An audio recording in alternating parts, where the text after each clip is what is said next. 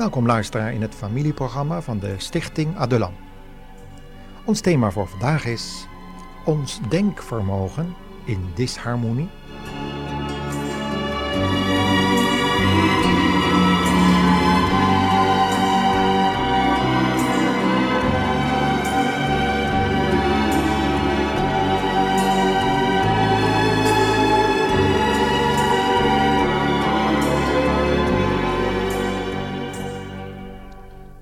Iedereen kent wel eens een tijd dat je je niet kan concentreren. Ha, lastig.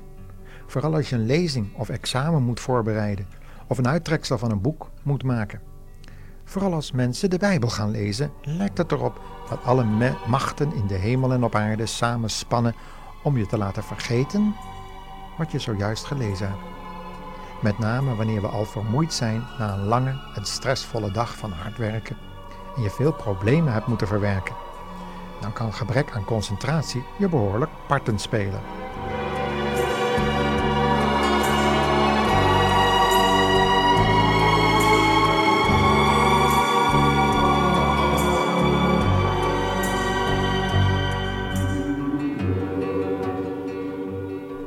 Maar hoe konden die spanningen op het werk, op school en in de omgang met mensen toch zo hoog oplopen? Heeft u zich dat wel eens afgevraagd? Mensen die zich over dit probleem hebben gebogen zijn tot de conclusie gekomen dat veel van deze spanningen te maken hebben met de disharmonie in ons denken. Het denken wordt soms als een soort verdedigingsbolwerk gezien, van waaruit we aanvallen proberen af te slaan. Van binnenuit wordt er vijandig gereageerd op negatieve ervaringen en de voortdurende waakzaamheid die hierdoor ontstaat, werkt uiteindelijk niet bepaald in ons voordeel. Wanneer we hier niet op de juiste wijze mee leren omgaan, zullen we ons bewust worden dat er spanningen in geest, ziel en lichaam beginnen te komen, die zich uiten in lichamelijke, emotionele en geestelijke klachten. En dan gaat het spoedig mis. Dikwijls gaat het ook gepaard met irritatie en agressieve gevoelens. En dan is dat zeker een waarschuwingssignaal. Juist op zulke momenten zouden we ons moeten afvragen wat de beste manier van reageren is. Natuurlijk neemt dat enige tijd in beslag. Maar dit tijd nemen om een probleem onder ogen te zien, zal uiteindelijk winst voor u betekenen. Ons lichaam kan zich weer herstellen van de ingenomen aanvalshouding en onze geest krijgt gelegenheid zich te concentreren op een eventuele oplossing. Neem dus speciaal op zulke momenten er de tijd voor om je wil en verstand in te schakelen.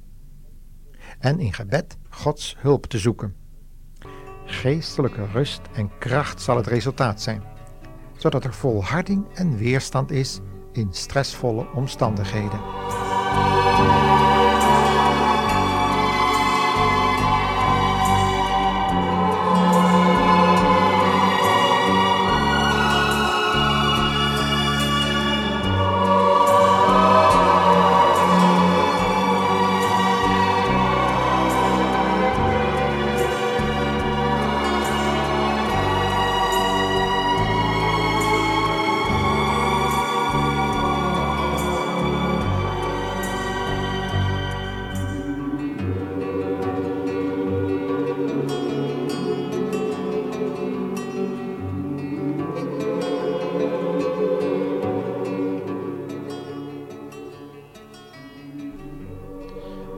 Vele mensen hebben hier echter geen gebruik van gemaakt.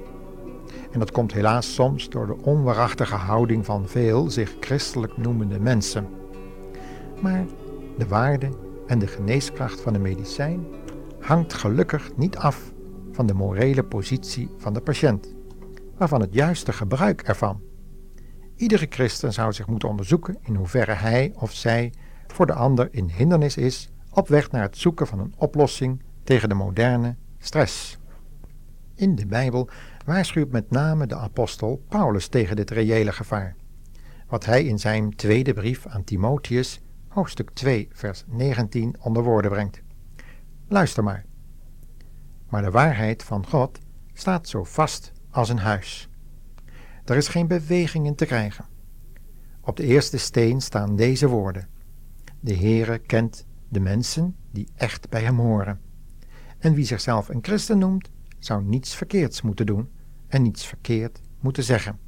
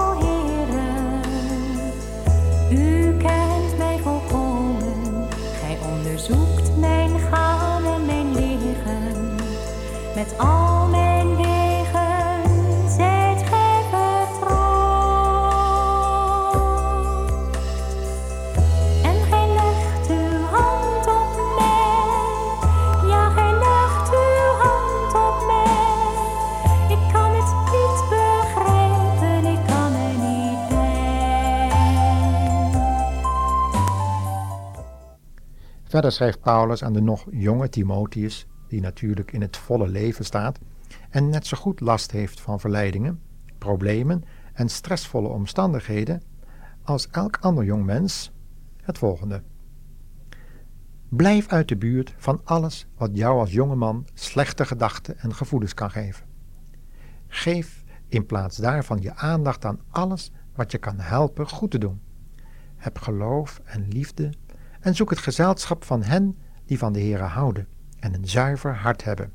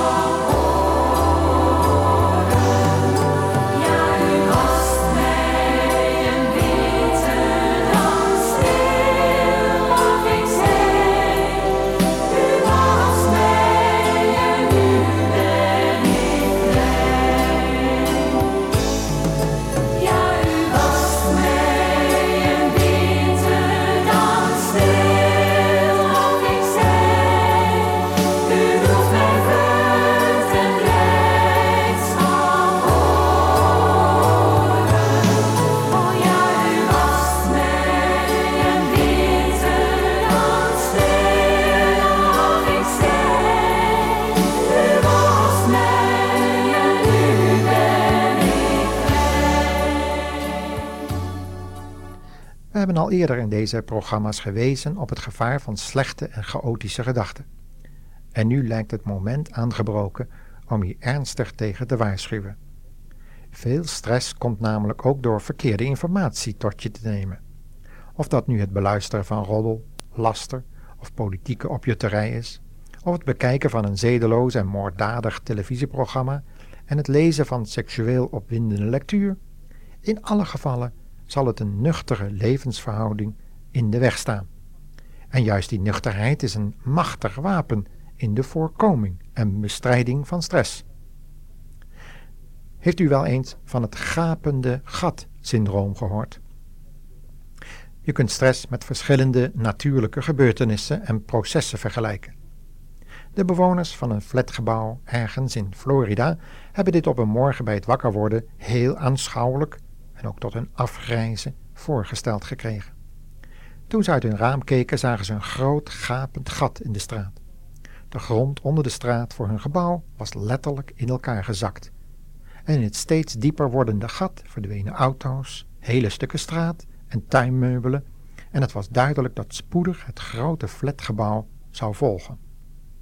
volgens de wetenschappers, treden zulke gapende gaten steeds op wanneer door langdurige droogte de ondergrondse stromen uitdrogen, waardoor de hoger gelegen gronden geen steun meer krijgen en uiteindelijk instorten.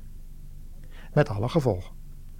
Aan de hand van deze schokkende illustratie wordt het ons duidelijk dat wij ervoor moeten zorgen dat onze innerlijke mens voortdurend steun vindt in waardevaste informatie.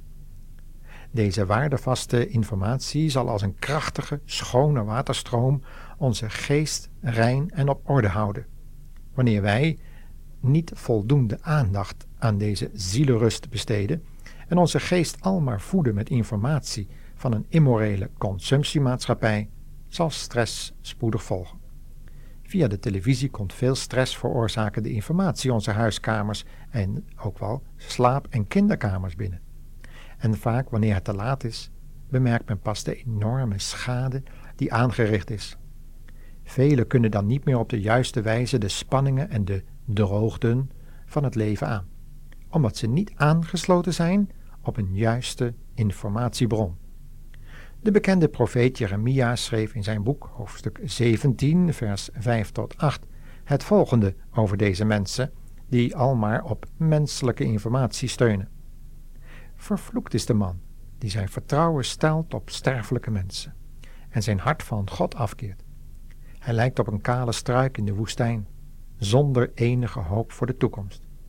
Hij staat op de zoute grond in een barre wildernis waar geen mens woont. Maar gelukkig is de man die op de Heere vertrouwt en al zijn geloof en hoop op hem richt. Hij lijkt op een boom die aan een rivier staat. Een boom die geen hinder ondervindt van de hitte en niet lijdt onder maandenlange droogte. Zijn bladeren blijven groen en hij blijft vrucht dragen.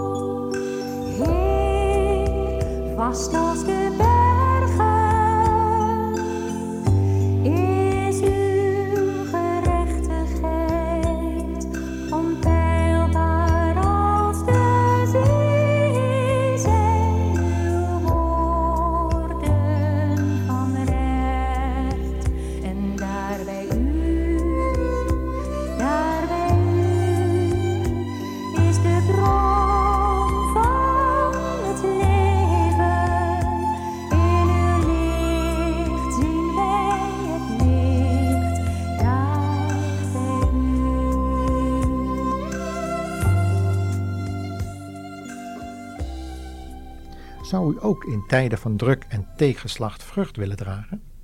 Dat kan, door te doen wat de Heer Jezus zijn discipelen adviseerde. Hij vergeleek de gelovigen met een wilde wijnrank, die ingeënt was op een vruchtdragende wijnstok. Door in die goede wijnstok te blijven, zou er automatisch vrucht komen, ook onder moeilijke omstandigheden. God zelf zal dan zorg dragen voor de noodzakelijke snoeiprocessen in het leven van zo'n gelovige.